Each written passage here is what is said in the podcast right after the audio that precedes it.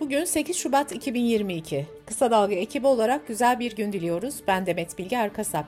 Gündemin önemli gelişmelerinden derleyerek hazırladığımız Kısa Dalga Bülten başlıyor.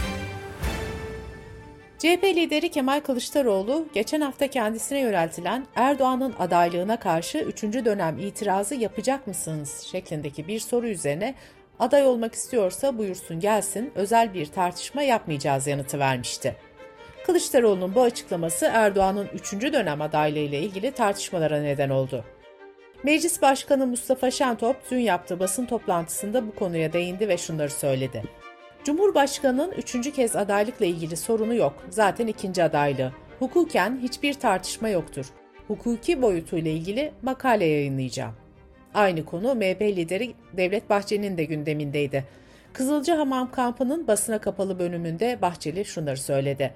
Cumhurbaşkanı adayımız Erdoğan'dır. En az 3 dönem seçilebilmesi amacıyla gerekli yasal düzenlemenin yapılmasına var gücümüzle çalışır, bunu da başarırız. Anayasanın 101. maddesinin ikinci fıkrası Cumhurbaşkanının görev süresi 5 yıldır bir kimse en fazla 2 defa Cumhurbaşkanı seçilebilir diyor.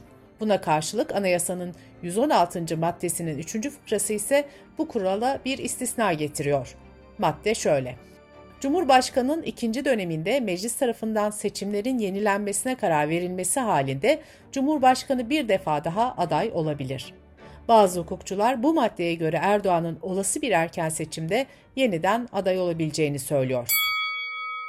Gazete Duvar'dan Nergis Demirkaya'nın MHP kaynaklarından aktardığı bilgiye göre ise Bahçeli'nin gerekirse yasal düzenleme yaparız değerlendirmesi bu seçimleri kapsamıyor. Bahçeli'nin 2028 seçimlerinde üçüncü defa aday olmasının yolunu açabiliriz mesajı verdiği belirtiliyor. Enerji ve Tabi Kaynaklar Bakanı Fatih Dönmez, yoğun kar yağışı sonucu 3 Şubat'tan itibaren 4 gün elektrik verilemeyen Isparta'daki arızanın giderildiğini açıkladı. Ancak kentin kırsal bölgelerinde dün itibariyle hala elektrik verilmeyen yerler vardı. Isparta'da elektrik kesintileriyle birlikte elektrik şirketlerinin özelleştirilmesi ve bu şirketlerin yeterince denetlenip denetlenmediği de tartışmaya açıldı. İyi Parti Genel Başkan Başdanışmanı Aytun Çıray, Bakan Dönmez'in yanıtlaması istemiyle soru önergesi vererek konuyu meclise taşıdı. Aytun Çıray'ın sorusu şöyle. Cengiz Holding'e ait AEDAŞ'ın Ispartalıların uğradıkları ağır mağduriyeti telafi ve tazmin etmesine yönelik bir girişimde bulunmayı ve sözleşmeden kaynaklanan hukuki yaptırımlar konusunda harekete geçmeyi düşünüyor musunuz? Elektrik Mühendisleri Odası da Isparta'daki kesintilere ilişkin açıklama yaptı. Açıklamada TEDAŞ'ın elektrik dağıtım şirketlerini eksik denetlediği ve bunun Sayıştay raporlarına da yansıdığı hatırlatıldı. Açıklamada şöyle denildi. Elektrik Piyasası Kanunu'nda 2020 tarihinde yapılan değişiklikle elektrik dağıtım şirketlerinin denetiminin özel şirketler tarafından yapılmasının önü açılmıştı. Bu dönüşüm gerçekleşirse bütün ülkenin akıbeti Isparta gibi olacaktır.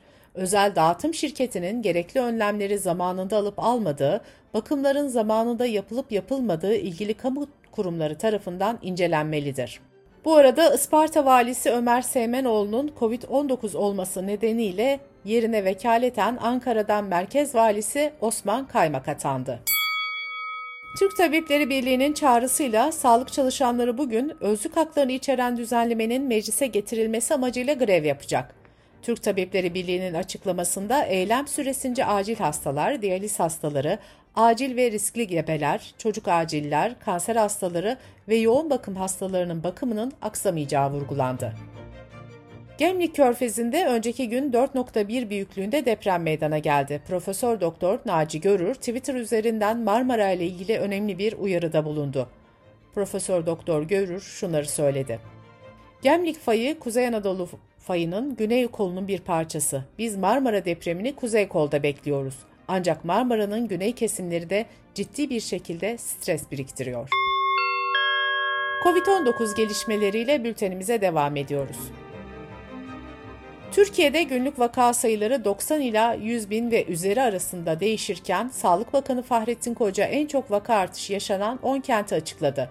Buna göre 22-28 Ocak arasında vaka yoğunluğu bir önceki haftaya göre en çok artan 10 il şöyle oldu.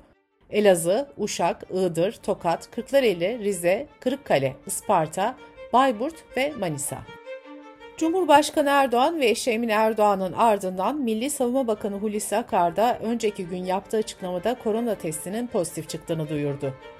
CHP'li Muğla Büyükşehir Belediye Başkanı Osman Gürün ve Adana Büyükşehir Belediye Başkanı Zeydan Karalar da COVID-19'a yakalandı. Avustralya, COVID-19 nedeniyle 2 yıl boyunca kapalı tuttuğu sınırlarını 21 Şubat'ta aşılı ziyaretçilere yeniden açacağını duyurdu. Avustralya Başbakanı, İki doz COVID-19 aşısı yaptıran ziyaretçileri ülkemizde ağırlamak için heyecanla bekliyoruz, dedi. Dünyada birçok ülke COVID-19 kapsamında yürürlüğe koyduğu kısıtlamaları kaldırıyor, normalleşme sürecine devam ediyor. Portekiz hükümeti geçtiğimiz hafta yaptığı açıklamada Avrupa Birliği aşı sertifikası gösteren veya aşı olduğunu kanıtlayabilen tüm yolcuların PCR testi yaptırma zorunluluğu olmadan ülkeye giriş yapabileceğini söyledi. Yunanistan Turizm ve Sağlık Bakanlıklarının açıklamalarına göre dünden itibaren ülkeye seyahat eden ve Avrupa onaylı aşı sertifikası olanların negatif test gösterme zorunluluğu da sona erdi. Sırada ekonomi haberleri var.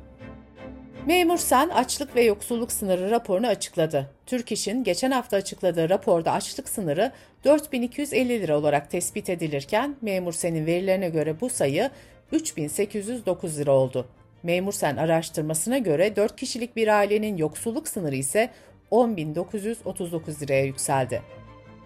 Türkiye Ziraat Odaları Birliği Genel Başkanı Şemsi Bayraktar, elektrik fiyatlarının çiftçiler için ciddi bir sorun haline geldiğini söyledi. Bayraktar şöyle konuştu. Elektrikte uygulanmakta olan %18 KDV oranı çiftçilerimiz için %1'e indirilmelidir. Bu yıl gıda yokluğu yaşamak istemiyorsak çiftçimizi tarımda tutmalıyız ve üretmesini sağlamalıyız. Merkez Bankası boru hatları ile petrol taşıma anonim şirketine geçen ay 4 milyar 146 milyon dolar döviz sattı. Bu satış 2014'te başlayan döviz satışları süresince kaydedilen en yüksek aylık satış oldu. Yemek sepetinin müşteri bilgilerinin çalındığı kişisel verileri koruma kurulu kararıyla kesinleşti. Kurul, müşteri bilgilerini çaldıran yemek sepetine veri ihlali nedeniyle 1 milyon 900 bin lira idari para cezası verdi. Dış politika ve dünyadan gelişmelerle bültenimize devam ediyoruz. Beyaz Saray Ulusal Güvenlik Danışmanı Sullivan, Rusya'nın Ukrayna'yı her an ya da haftalar içinde işgal edebileceğini ancak diplomatik yolun hala bir seçenek olduğunu söyledi. Kanada'nın başkenti Ottawa'da 29 Ocak'ta başlayan ve devam eden aşı zorunluluğu karşıtı kamyoncuların eylemi ülke çapında ayaklanma olarak değerlendirildi. Ottawa Belediye Başkanı Jim Watson olağanüstü hal ilan etti. Peru'da eşine ve kızına şiddet uyguladığı ortaya çıkan Başbakan Hector Waller, göreve geldikten 4 gün sonra istifa etti. Bültenimizi kısa dalgadan bir öneriyle bitiriyoruz. Hitit Üniversitesi'nden Doktor Kudret Sezgin, Oxford Üniversitesi öğretim üyesi Doktor Emre Eren Korkmaz'ın sorularını yanıtlıyor. Sezgin, arkeoloji ile pozitif bilimlerin ilişkisini anlatıyor. Kısa Dalga.net adresimizden ve podcast platformlarından dinleyebilirsiniz. Gözünüz kulağınız bizde olsun. Kısa Dalga Medya.